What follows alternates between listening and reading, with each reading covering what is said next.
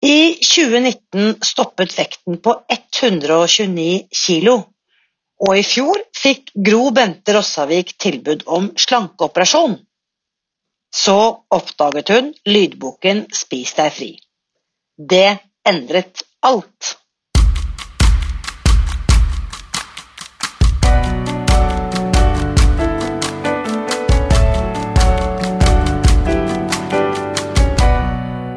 Mitt navn er Irina Li. Jeg er journalist og forlegger, gründer og sosial entreprenør. I 2015 spiste jeg meg fri fra overvekt og fedme etter å ha slitt med vekt, kropp og følelser i nesten 30 år. Etter at jeg knakk koden, ga jeg meg selv et nytt oppdrag – å dele denne kunnskapen med alle som trenger det. I denne podkasten kan du derfor høre hele lydboken Spis deg fri, den finner du ved å bla deg tilbake i arkivet og lytte til første sesong. Hver uke inviterer jeg nå gjester som gir deg påfyll til hodet, hjertet og magen. For min visjon er å endre Helse-Norge, og det får jeg ikke til alene. Du bidrar ved å abonnere på podkasten, skrive en omtale i iTunes og tipse meg om hvem jeg burde invitere hit. Da setter vi i gang med ukens episode. I dag skal du få møte 45 år gamle Gro Bente, som forteller en historie jeg tror mange kan kjenne seg igjen i. Særlig når hun beskriver hvordan hun alltid har spist følelsene sine, enten det har vært snakk om sinne, sorg eller glede. Og Hvis du kjenner at Gro Bentes historie treffer deg, så vil jeg be deg om å gå innom iTunes og legge igjen en omtale av denne podkasten. Sånn som en eh, lytter som kaller seg Suppestasjon nylig gjorde. Hun skriver Jeg takker hver uke for denne podkasten. Den er motiverende, inspirerende, og jeg klarer å holde fokus på mål og kostholdsplan. Fantastisk! Gleder meg til ny episode hver gang, skriver hun. Så her må jeg bare si tusen takk for den tilbakemeldingen, kjære deg. Da er jeg sikker på at du kommer til å sette pris på episoden denne uken også. Her er ukens gjest. Kjære Gro Bente, velkommen til podkasten. Tusen takk. Du, denne samtalen jeg gledet meg til, for vi har så vidt snakket sammen eh, tidligere en gang, hvor vi hadde en Instagram live der du tok imot invitasjonen og ble med på en liten prat. Men dette er på en måte første gang vi snakker sånn ordentlig sammen. Ja. Stemmer. Ja. Eh, jeg må jo da fortelle, jeg oppdaget deg på Instagram, men hvordan fant du Spis deg fri? Det er jeg nysgjerrig på. Um, jeg drev egentlig og søkte litt rundt på Storytel, liksom desperat etter å finne en eller annen inspirasjon for å få hjelp til å gå ned i vekt, og så dukka Spis deg fri opp. Og Da begynte vi å høre på lydboken der.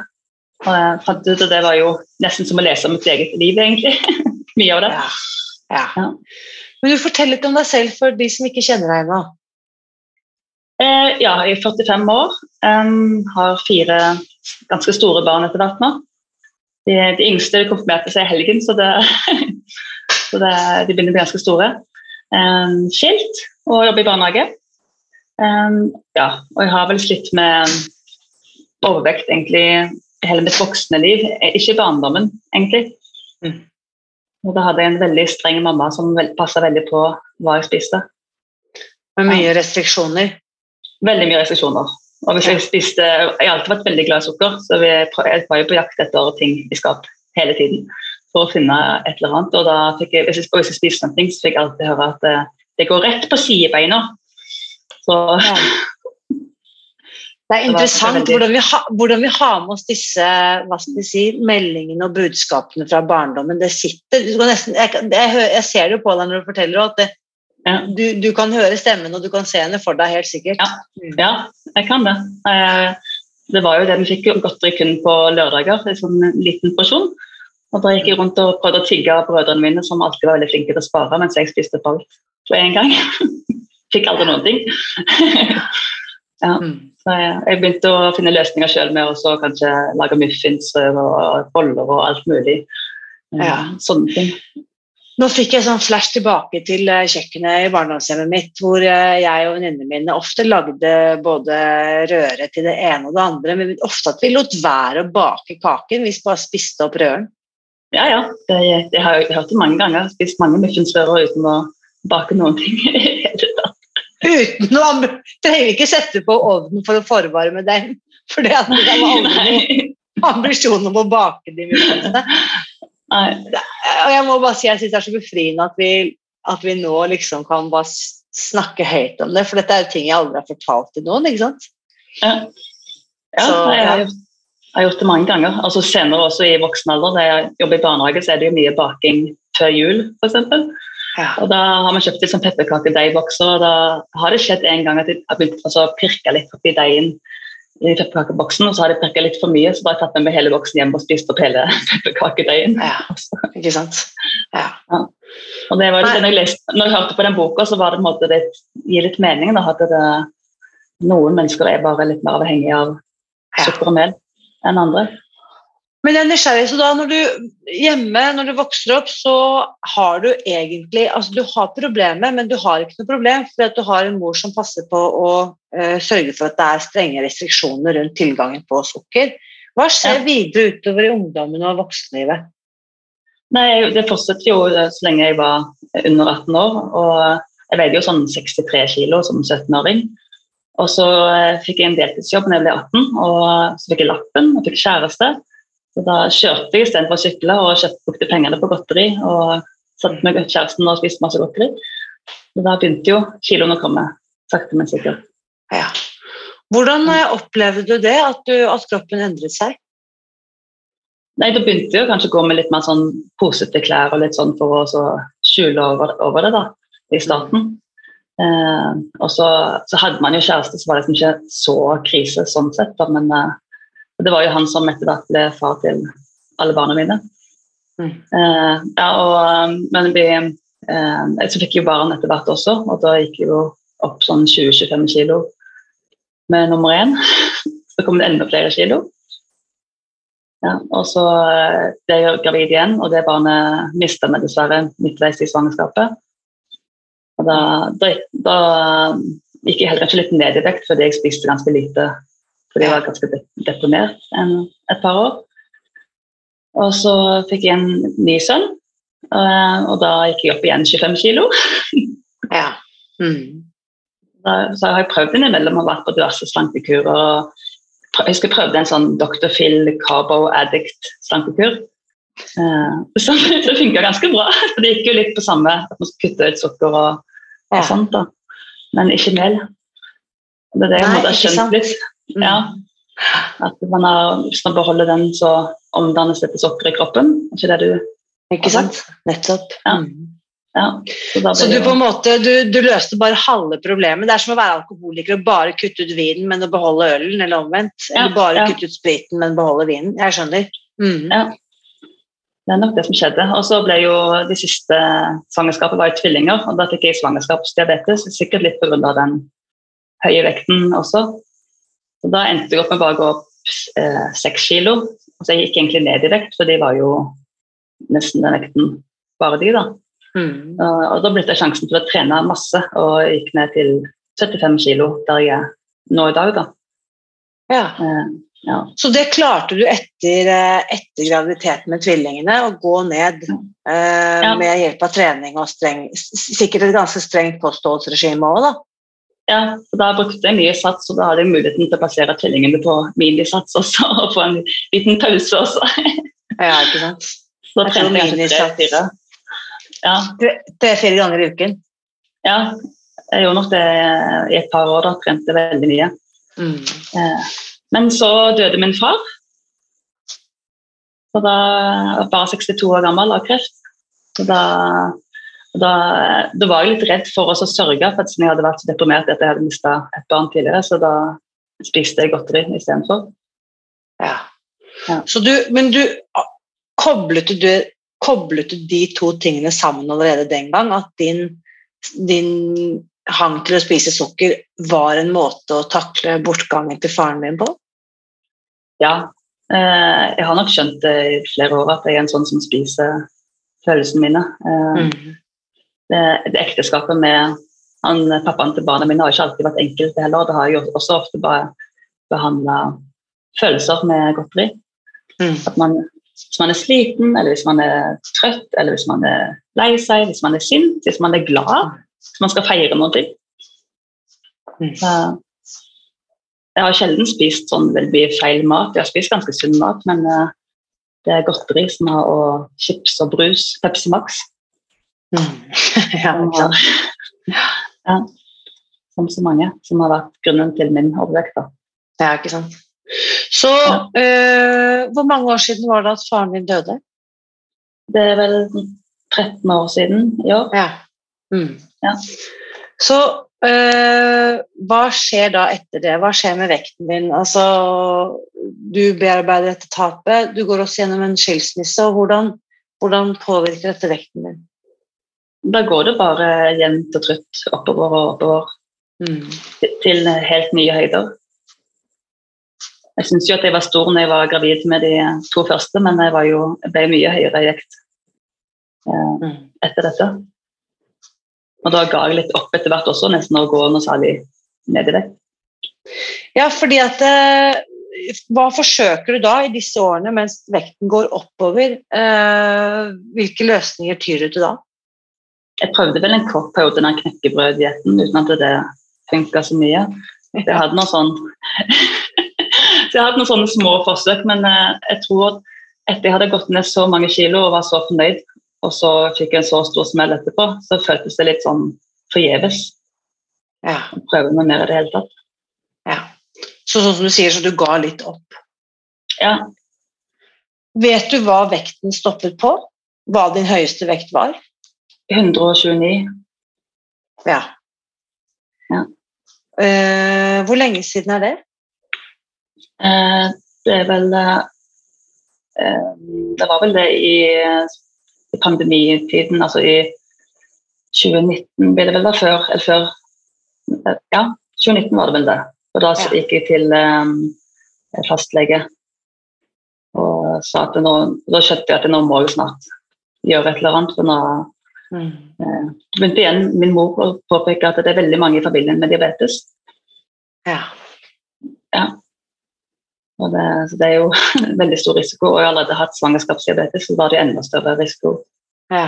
for å få det. Så moren din Jeg, jeg, jeg hører på en måte begge stemmene. Dette sier hun jo helt sikkert av kjærlighet og omsorg, og så kommer det jo på en måte I hvert fall ville jeg tatt det som kritikk. Ja, det, det, det, ja, ikke sant? Det føles sånn. jeg trenger ikke flere påminnelser om at dette ikke er bra for meg, for det har jeg skjønt selv for lenge siden, men takk for påminnelsen. Ja. Eh, men men eh, hva sier fastlegen din? Hvordan er samtalen med fastlegen om dette? Eh, nei, jeg sier til henne at, det, det må, at jeg trenger hjelp. Da. Eh, så hun, eh, hun henviste meg til Aker og overvektsklinikken der. Eh, for å se om de kunne hjelpe. For jeg har tidligere Det var en, en periode jeg faktisk prøvde noe som heter reduktil medisin. Som jeg klarte å gå ned litt i vekt på. Den, den har de fjernet pga. at den fant ut at den kunne være forårsaka blodpropp eller et eller annet. Skjønner. Mm. Den er borte fra markedet. Eh, men jeg var jo på Da kom jeg til sykehuset, og der hadde de jo andre nye medisiner som jeg testa litt ut. Ja. Hvordan funket det for deg? Den første medisinen funka ikke i det hele tatt. Den eh, ble jeg bare fryktelig sliten av.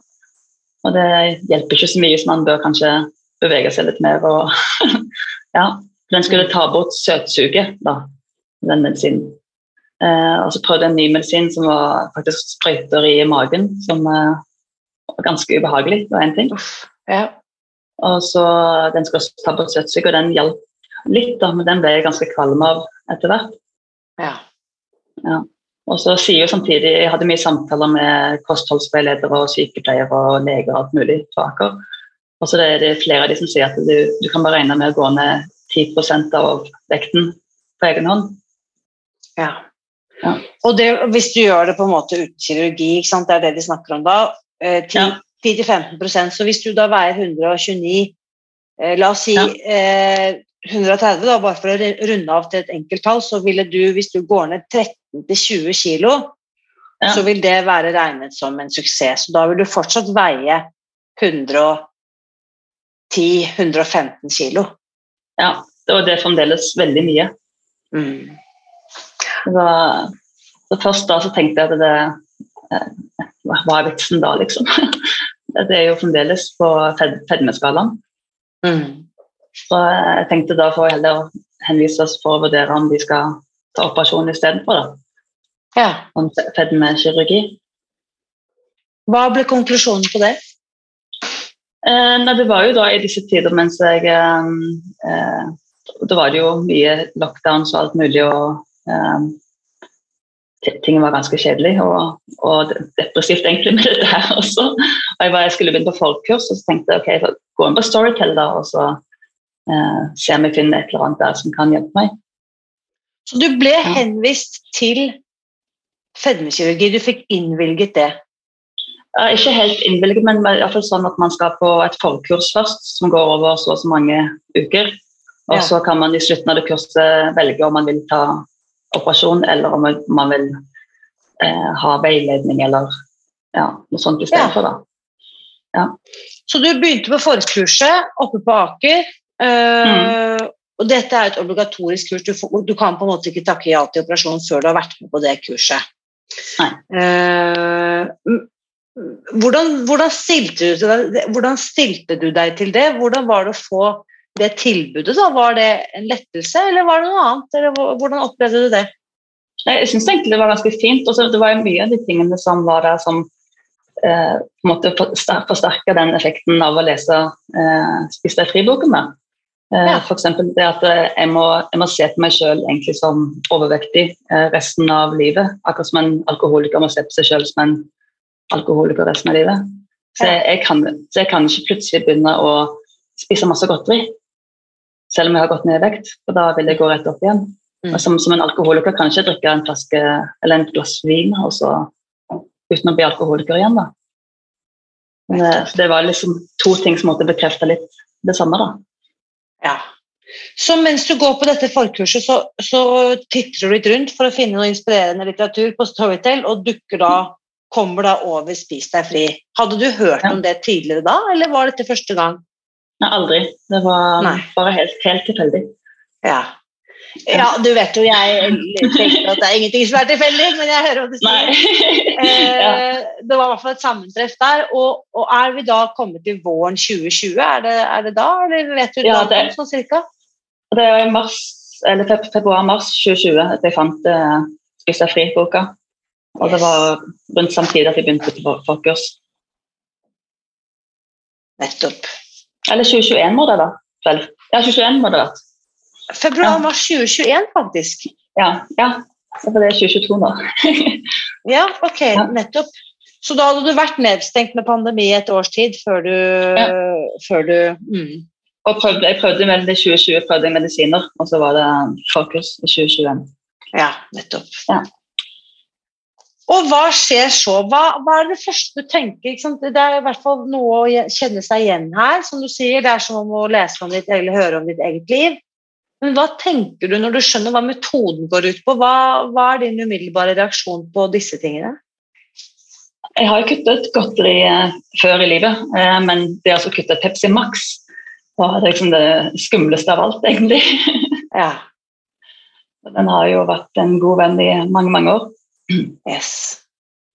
Det har jeg hørt mange si, og det er altså Jeg vet også at det er en, en, en stor stor terskel som gjør Jeg tror det også er en stor hindring for at folk rett og slett ikke kommer i gang, for de tenker at Pepsi Max-en kommer jeg aldri til å kunne klare å kvitte meg med.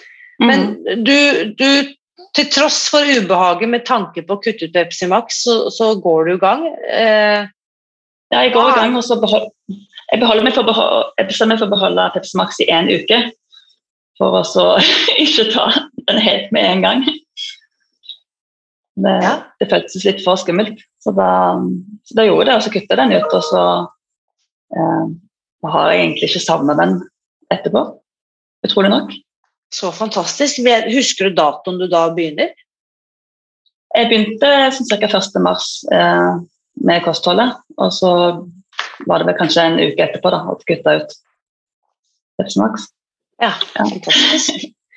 Så hvordan er det i begynnelsen? Hvordan er det de første dagene, første uken? Husker du noe om det? Eh, jeg var litt heldig, for jeg hadde begynt allerede i februar å kutte ut sukker. Så da fikk jeg ikke den typiske hodepinen og abstinensene som så jeg har hørt mange har fått. Ja, Så du fikk en litt rolig start? Mm. Ja. Det var verre det å bli vant til å spise tre måltider dagen. og jeg har hatt veldig uregelmessige måltider. I helger kan jeg bare spise ett måltid, ja. for eksempel. Og så utenom, har du rett og slett småspist litt? Eller vært på sånn beite ja. og bare spist litt her og der? Mm. Ja, og hvis man egentlig var sulten, så har jeg kanskje spist godteri istedenfor. Nettopp. Ja. ja. Jeg tror vi er mange som kan kjenne oss igjen i det også. ja.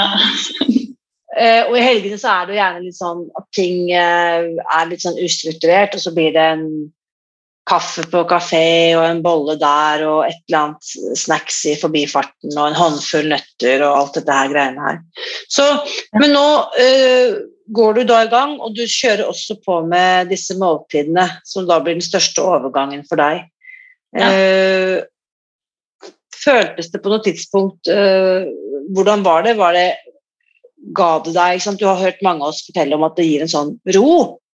Å bare mm. vite hva jeg skal spise, når jeg skal spise, og at når jeg er ferdig med å spise, så vet jeg at jeg ikke skal spise noe mer. Hvordan opplevdes den mentale effekten for deg, Gro Bente? Det vanskeligste syns jeg var de store måltidene, at det var så veldig mye grønnsaker. Så I starten så hadde jeg store problemer med å få spist opp alt. Ja. Å kunne sitte og spise ganske lenge, for det å spise grønnsaker tar mye lengre tid enn uh, mye annen mat ja. i så store mengder. Men så tok jeg det tipset som mange har gjort, at man flytter litt av grønnsakene til lunsj istedenfor. Det ble litt mer overkommelig det å komme over middagen. da. Ja, Så du valgte en såkalt 10-10-løsning, så du spiser på en måte like mye til, til lunsj som til middag. Ja. Eh, og så har du frukten i tillegg selvfølgelig til, til lunsj. men så Å gjøre litt sånne hacks er jo kjempesmart, for da ble det litt mer overkommelig. Ja, for det, jeg, sleit, jeg klarte ikke å spise opp alle grønnsakene. Det, det ble for, for, mye. Ja. Så, så hvordan, hvilke effekter får du da utover våren i fjor? Hva, hva skjer med kroppen din? Nei, jeg, jeg, går jo ganske fort nedover i, i vekt. Eh, og det går veldig fort i de første en del måneder. Da. Ja, og så kommer det jo alltid noen små platåer etter hvert da, innimellom der man står litt stå litt stille ja. i vekten. Så hva Så. ender vektnedgangen på? Eh, nå jeg prøver jeg å finne vedlikeholdsvekt. Jeg driver og veksler mellom 75 og 77. Litt sånn, ja. mest, på 70, mest på 76, egentlig. Så du har altså gått ned fra 129 kilo til 76, som hvis jeg tar dette i hodet, skal bli 53 kilo ned? Ja. Det er jo helt utrolig, utrolig imponerende, Gro Bente. Gratulerer. Mm, takk. Ja, det er veldig deilig. Det det. Ja, fortell litt, Hvordan kjennes det? Går det an å beskrive hvordan det oppleves liksom innenfra? 53 kilos vekt med en gang? Det er bare det som spesielt som energinivå. Da. Jeg bor jo på eh, litt sånn høyde i forhold til T-banen, med lang oppoverbakke og masse trapper. Og i eh, de siste årene så har jeg jo gjerne tatt T-banen til en T-banestopp før og tatt bussen opp istedenfor å gå opp. Mens nå kan jeg bare nesten sprinte opp bakken og trappene og, og droppe denne her bussen. Wow. Så, bare det er jo veldig deilig. På et eller annet tidspunkt så må du være i kontakt med Aker også. Hva sier legene på Aker som følger deg opp i forhold til både medisiner og dette forkurset på fedmekirurgi? Hva, hva slags tilbakemeldinger får du der? Eh, nei, jeg var jo der i um, august, tror jeg, i fjor. Og da, sa, da hadde jeg gått ned jeg tror det var 34 kilo, noe sånt. Og da sa jeg at jeg tror ikke jeg trenger den operasjonen, og det var de enig i. Og de var jo eh, imponert av at jeg hadde klart å gå ned så mye, så mye selv, da. Fantastisk. Ja, det var det. altså, jeg, jeg, blir så glad for altså, Det er jo helt utrolig altså, Bare tanken på at du har gjort en denne innsatsen for deg selv, sånn at du har liksom kunnet kansellere en, en, en, en, mulig fedmekirurgi, er jo helt utrolig. Det er, det er helt ufattelig bra, Robente. Gratulerer. Ja, ja det, er veldig deilig å slippe det. Jeg hadde egentlig ikke lyst til å ta en operasjon, for det, det er et ganske stort inngrep. da. Og det, jo, det kan jo komme komplikasjoner og ja. ja. Det er livsvarige konsekvenser uansett. Det, det kan jo alle skrive under på, alle som har gjort dette. at uh, det er jo ikke, det er ikke noe quick fix, for å si det sånn. Mm. Nei. Uh, og det er jo selvfølgelig ikke spist etter heller. Det er jo ingen quick fix. Dette er jo noe vi gjør uh, morgen, middag, kveld, dag ut og dag inn. Og, og det blir jo en livsstil etter hvert. Men heldigvis så er det jo ingen negative bivirkninger. Tvert imot. Det er jo litt over uh, positive effekter Det er jo lang, lang. Så mye mer energi, sier du. Du kan også sprinte opp bakken. Det er fantastisk gøy å høre.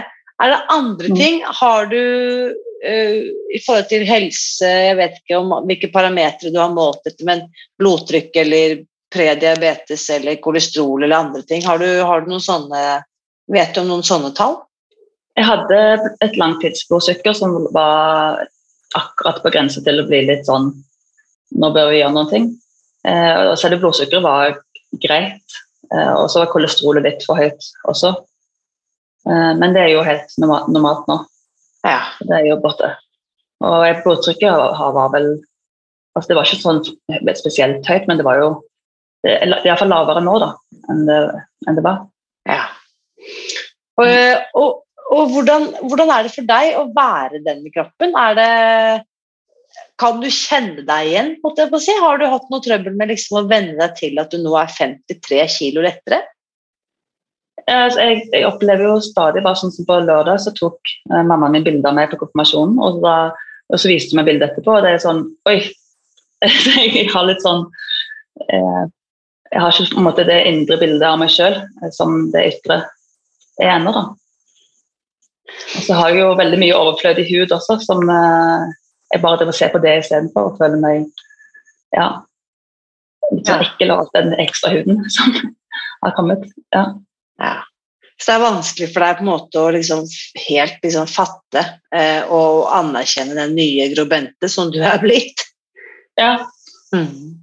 Jeg, jo, jeg, er jo PED-leder på jobben, og jeg hadde noen studenter. og Så, så fant, den ene ut at jeg hadde gått ned mye vekt, og hun syntes det var rart å tro på, for hun syntes at jeg var så liten.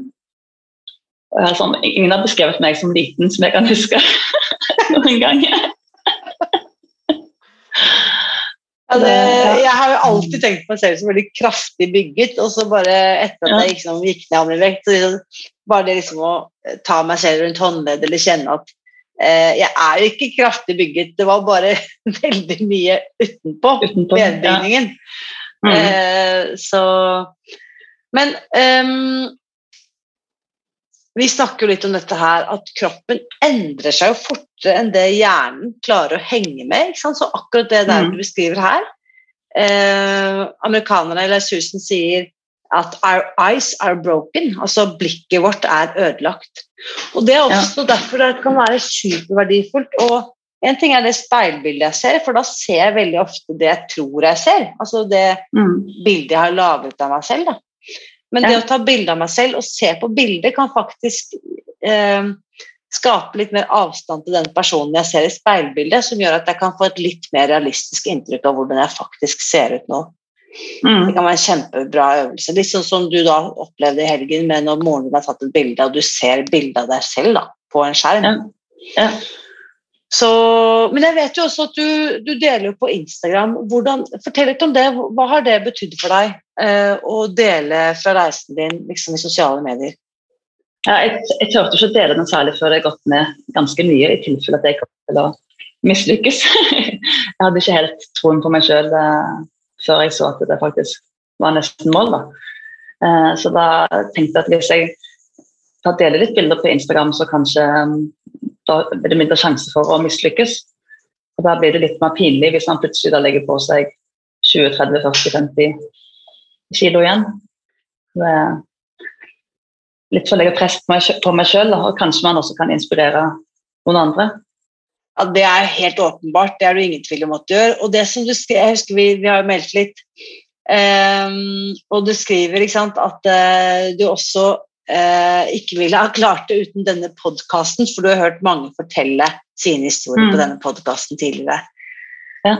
Og, og, nå er du selv en av dem, Grobente, som deler din historie. Hva, hvordan oppleves det? Eh, surrealistisk, egentlig.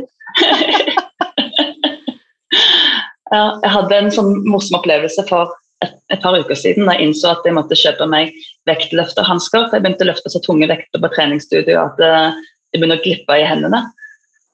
Wow. Og, og, det er sånn, Jeg hadde aldri trodd at jeg skulle ha vektløfterhansker i, ja, i mitt hjem, liksom.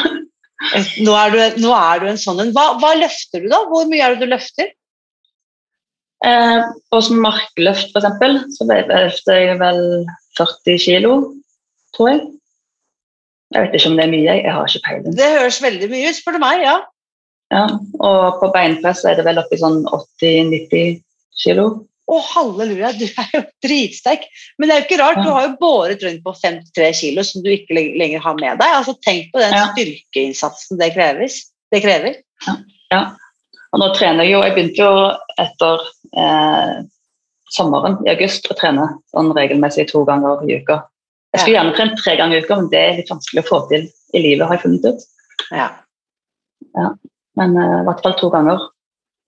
Fantastisk. Og jeg tenker også den jobben du har, du, du må jo være på beina hele dagen. Jeg, jeg, bare har så utrolig respekt og beundring for alle som jobber i barnehage. Det virker som Det er ikke noe stillesittende latmannsjobb, det akkurat? Nei, det er det ikke. Jeg ble jo, jeg utfordra av to av skolestarterne for eh, siste uke om å, de mente at de var de raskeste i barnehagen. så De skulle utfordre meg til å løpe og se hvem som var raskest. Og da, da, da, da klarte jeg ikke å la være, så måtte jeg løpe fortere enn de, og så knuste de helt. Utrolig bra. Men du, hva sier, hva sier, kollegaene dine, hva sier barna dine, hva sier moren din, eh, eh, eventuelt barnehagebarna, hvis de, de, har kanskje ikke den bevisstheten, for de ser deg jo hver dag, men hva sier de menneskene rundt deg, Gro? Du har jo forvandlet deg foran øynene deres. Eh, får, det er noen foreldre i barnehagen imellom for eksempel, som jeg ser at de studerer meg veldig og vurderer om de skal tørre å spørre eller noen ting. Og så er det noen som tør innimellom. og du må vel ha gått mye ned i vekt? Så jeg har gått sånn 3-4 kilo ned i vekt, og de bare Og så var det en, en, unge i barnehagen som sa at uh, mammaen hennes hadde sagt at jeg hadde blitt, blitt veldig flat. Det syns jeg var en litt morsom kommentar. ja. Mm. Og, ja, men det, og ungene mine også har jo um, sagt, kommentert at de syns det er bra, da, og spesielt hun eldste. Og hun, hun, blir veldig sur på meg hvis jeg er selvkritisk over overflødig hud og sånne ting. At jeg må være glad for at den jobben jeg har gjort, og slutte å kritisere kroppen min. Men uh, ja. Her må jeg bare si altså Jeg kjenner meg så igjen i deg, Gro Bente. For det, det, er også noe med Jeg var jo nesten 40 da jeg fant metoden. Og da har jeg hatt liksom 40, ja, i hvert fall 30 år da, med meg med ganske, ganske krass selvkritikk. Mm. Så Det er som om den, det sporet er så innarbeidet. så Når jeg på en måte ikke kunne kritisere meg selv for vekten lenger, så mm. lover jeg deg at jeg fant noe annet å kritisere meg selv for. ikke sant? Ja. Så øh, det jeg har øvd meg mye på, er sånn Ja, denne løse huden på magen, da, f.eks. Jeg har født to barn. Jeg har liksom det, Denne kroppen har vært med meg opp og ned 30 kilo hit og dit. ikke sant? Mm. Og så bare eh, tenke litt at, at, jeg bærer med meg levd liv, da. Eh, ja. Og takk og lov for at kroppen er så bra som den er, at den, at den tåler ganske drøye påkjenninger. Ja. Og så er det kanskje ikke så rart at det skal synes litt også. Jeg vet ikke, jeg, jeg er veldig så stolt av hva denne kroppen har vært med på, rett og slett. Mm. Ja. Jeg kommer kanskje dit etter hvert, men uh, vi får se. Foreløpig er jeg, er jeg ikke helt der ennå. Ja, det skjønner jeg. Og, det, eh, og litt det som vi var inne på i stad, at det tar tid å endre dette selvsnakket og endre identiteten. Um, og så i hvert fall en, en, god, en, god, eh, start er jo i hvert fall å legge merke til at nå er jeg selvkritisk. For da har jeg på en måte en mulighet til å gjøre noe med det. Veldig ofte går det jo bare på autopilot, jeg merker det ikke selv engang. Men idet jeg i hvert fall blir oppmerksom på det, så kan jeg i hvert fall Ok, her har jeg i hvert fall noe å jobbe med, da. Mm. Mm. Ja, jeg må nok jobbe litt mer med det. Det, det er helt klart. Men det, det kommer kanskje etter hvert. Ja. forhåpentligvis.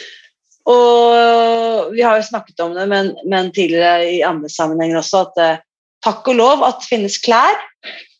Ja. ja. Altså, det går veldig fint. Altså, når jeg har klær på meg, så føler jeg meg egentlig ganske fin. Men eh, nå har jo det problemet at jeg har jo måttet skifte ut hele eller problem, problem, skifte ut hele garderoben. Og altså, Det innebærer at nå til sommeren så har jeg, jeg har jo ingen sommerklær liggende. i det hele tatt. Jeg har ikke bikini eller badedrakt heller, for alt det har jeg kasta til eh, Fretex eller Uff. Så jeg må jo ha sommerklær, og jeg må ha bikini og må badedrakt. Og så skal jeg tørre å kjøpe, shorts, eller skal jeg gå med tights? Hva skal jeg, hva skal jeg ha på meg? Ja. Og du skal så tørre å kjøpe shorts, eh, og korte skjørt og bikini og virkelig, altså.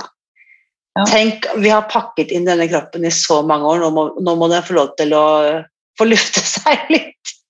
Ja, for, min, for min, mitt go to sommerplagg har jo hatt sånn eh, trekvart tights som eh, dekker over lårene og over knæ, knærne også. Og jeg har, har, har ikke lyst til å gå tilbake igjen dit. Nei. Det var liksom tjukkegrubente sin stil. Jeg vet. Og det Nei, altså, jeg, jeg gleder meg til å følge deg på, på Instagram og se alle de fine sommerplaggene du skal pynte deg med i sommer. Det, har du sett andre, andre tendenser i garderoben din? nå? Har det blitt mer fargerikt, eller har det blitt andre, er det andre ting som har skjedd i måten du har kledd deg på? Kler deg på? Jeg kledde meg veldig mye i svart før, for det følte jeg måtte dekte overvekten. Og nå, altså, hun ene datteren min brukte alltid å si at eh, jeg er kledd som at jeg er klar til å gå i begravelse hver dag. Mm. Så, så nå prøver jeg å unngå å kjøpe svart. Eh, kanskje svarte bukser, men eh, ellers prøver jeg å la være å kjøpe svart. Ja. Eller Så da blir det fargerike, fargerike topper og cardigans. Ja. Mm, fantastisk. Ja. Ja. Jeg er bare nysgjerrig, eh, Gro Bente. Hvis det er noen andre der ute nå som kanskje allerede har fått plass på forkurset til fedmekirurgi, eller veier 129 kg, eller tenker at jeg har prøvd alt, dette går ikke, jeg kommer aldri til å klare å kutte ut Pepsi Max-en, hva enn det måtte være, hva tenker du at eh, de kan ha nytte av å høre? eh, lydbok eller leseboken din, i hvert fall. Jeg tror jeg er helt Jeg tror ikke jeg hadde klart eh, noe av dette her uten å ha lytta gjennom hele boka. Mm. Fordi det, det, så du må forstå litt hele hvordan hjernen fungerer, hvordan kroppen fungerer, eh, for å skjønne man, at man trenger å gjøre dette her. Da. Ja. Det tenker jeg er helt avgjørende. Og så må man bare man må bare bestemme seg. Det er akkurat som hvis man røyker, så må man bare bestemme seg for at nå skal jeg kjøre på og prøve. Ja. Det er fantastisk godt tips. Og for de som ikke har fått det med seg, så ligger jo hele lydboken gratis tilgjengelig her inne i podkasten i første sesong. Det er bare å spole seg tilbake til episode null, holdt jeg på å si. Og så Mm. kan man begynne å høre på, på lydboken fra første til siste kapittel. Alt ligger der eh, tilgjengelig for alle. Men jeg syns det- det... er veldig mange flotte episoder som kom etterpå også, som jeg synes også er viktig å få med seg òg. Det er veldig mye inspirerende episoder som du har. Så hyggelig å høre. Utrolig gøy. Og jeg vet også nå, Gro Bente, dette kommer også til å være en sånn episode som folk eh, kan liksom referere tilbake til. At det var det da Gro Bente var på podkasten, det var da det løsnet. For jeg tror det er så viktig at vi, at vi kan løfte frem flere gode eksempler og flere viktige historier, slik at flere har muligheten til å skjønne at dette kan være noe for meg også. Mm. Jeg håper det. Det er jeg helt overbevist om. Og hva tror du om veien videre, Gro Bente? Hva, hva tenker du om eh, veien fremover? Nei, jeg har jo som sagt veldig oppheng i denne huden som eh, plager meg, så jeg skal jo Jeg har, jo fått um, innvilga noen operasjoner for å fjerne litt overflødig hud. For det er jo ikke bare at det er kosmetisk, men det er jo hvis jeg jogger på tredemølla, så er det jo eh, nesten så er jeg kvalm av alt med huden som rister rundt på for Det er nesten ubalanse i kroppen, det rister sånn på lårene. Ja. Det er litt sånn eh, Og så kan jeg få under magen så kan jeg få litt sånn blemmer noen ganger av huden som henger ja. der, så det er litt mer enn bare kosmetisk. da.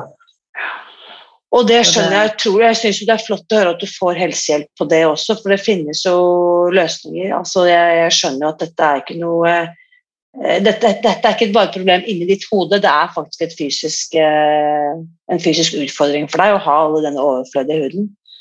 Ja. Og jeg har hørt om flere som har tatt slike operasjoner med svært vellykket resultat, så det tenker jeg er supert at du undersøker. Mm. Ja, og jeg, jeg, trenger ikke å bli, altså jeg vet at jeg aldri kommer til å se ut som en person som alltid har vært normalvektig i livet, det vil aldri skje, men det, det trenger jeg ikke heller. Det går, mm. det går helt fint. Og så, og så, må jeg bare fortsette å tenke at det, sukker og mel, det, det funker ikke for min kropp. Nei, vi, har vel, vi, har vel, spist vår dose, så vi vet hvordan det smaker. Ja. Jeg drev jo har bakt gulrotkake til konfirmasjonen på lørdag og fikk stadig vekk masse krem på fingrene. og bare fått bort i vasken og bare skilte det bort med en gang istedenfor å putte fingrene i munnen. Ja, ikke sant? Jeg tenker, altså, liksom, jeg tenker liksom sånn som uh, Susan Pierce Thompson skriver om i boken, liksom, dette er maling. eller Dette er på en måte farge, dette er ting jeg ikke skal, dette er, dette er gift for meg. da. Mm. Så ja, bort og skylle i vasken eller ha en klut liggende. Aldri noe som går i munnen lenger, og det føles jo utrolig deilig. Veldig deilig. Ja. Mm. Jeg får mange kommentarer fra, fra venner at jeg tror, det går vel fint med et kakestykke. Det går vel bra nå, du har jo klart å gå ned i vekt. Og jeg bare Nei, det, det går ikke bra. Ellers takk. ja. det går helt fint. Mm. Og jeg, savner det egentlig heller. Mm. Er det noen du kjenner eller noen i bekjentskapskretsen rundt deg som har blitt inspirert til å gjøre noe av det du har gjort, etter å ha sett, uh, sett hvordan det har påvirket livet ditt? Eh, altså det er jo Jeg, har jeg, prøv, jeg prøvde også å fortelle andre også at det her kan være lurt. Eh, kanskje de har noen andre Til og med min mor har jo spurt at jeg anbefalte, men hun syns at hun er for gammel til å prøve det. Hun sliter jo med leddgikt og litt sånne ting som kanskje ja. det kan hjelpe eh, for det, men hun mener at hun er for gammel. Og jeg har prøvd å få for venner også, men det, det er veldig mange som syns at det høres altfor vanskelig ut. Ja. Det jeg vet allikevel, selv om de nødvendigvis ikke kanskje er helt begeistret foreløpig, når de ser, ser, deg gjøre dette over tid, og ser på en måte livskvaliteten din holde seg over tid, så er det veldig mange som blir inspirert. Det tar av og til bare litt, litt tid, da. Ja. Så Nei, du, du, inspirerer, Gro Bente, og nå også til de som ikke kjenner deg ennå, men som nå får hvert fall mulighet til å møte deg i denne podkasten. Så tusen, tusen takk for at du forteller din historie. Ja, nei, bare hyggelig. Jeg håper jo at det kan inspirere noen andre også. Det er jeg helt sikker på. Og så skal jeg deler linken til Instagram-kontoen din, slik at vi kan følge deg både inn i sommeren og på veien videre. Ja, det kan vi gjøre. Tusen takk. Tusen takk selv. Nå lurer jeg på Hva er din takeaway etter å ha hørt min samtale med Grobente i dag? Hvilke minner eller opplevelser i ditt eget liv eh, kom du i kontakt med? Eller hva ble du inspirert til å gjøre etter å ha hørt Grubente Gro Bente fortelle? Bli med inn i den åpne Facebook-gruppen Spis deg fri og del din takeaway for det er så spennende å lese hvordan disse episodene påvirker deg og ditt liv. Og Du kan også følge Gro Bente på hennes Instagram-konto, som du finner på gb-spiser seg fri. Og hvis du nå lurer på hvordan du kan komme i gang og spise deg fri, helt konkret, så vil jeg invitere deg til å gå inn på våre nettsider og laste ned vårt gratis hefte med oppskrifter. De finner du ved å gå til spisdegfri.no smakebiter. Her kan du også laste ned et komplett oppskriftshefte med enkle forslag til frokost, lunsj og middag, som gjør at du kan komme i gang med en gang. Og Dette heftet er helt gratis, og det ligger altså på spisdegfri.no smakebiter. Og når du ser hvor enkelt dette kan gjøres ved å spise helt vanlig mat, laget med ingredienser du kan kjøpe på butikken der hvor du bor, så håper jeg du blir inspirert til å gi dette en sjanse. For tenk på det. Tenk hvor du kan være ett år frem i tid hvis du bestemmer deg for å starte i dag. Gro Bente er altså blitt 53 kilo lettere i løpet av det siste året. Så hvem vet, før du vet ordet av det, så kan det være du som er med i denne podkasten og forteller din historie. Uansett, uansett hva du velger å gjøre, så vit at jeg heier på deg. Alltid.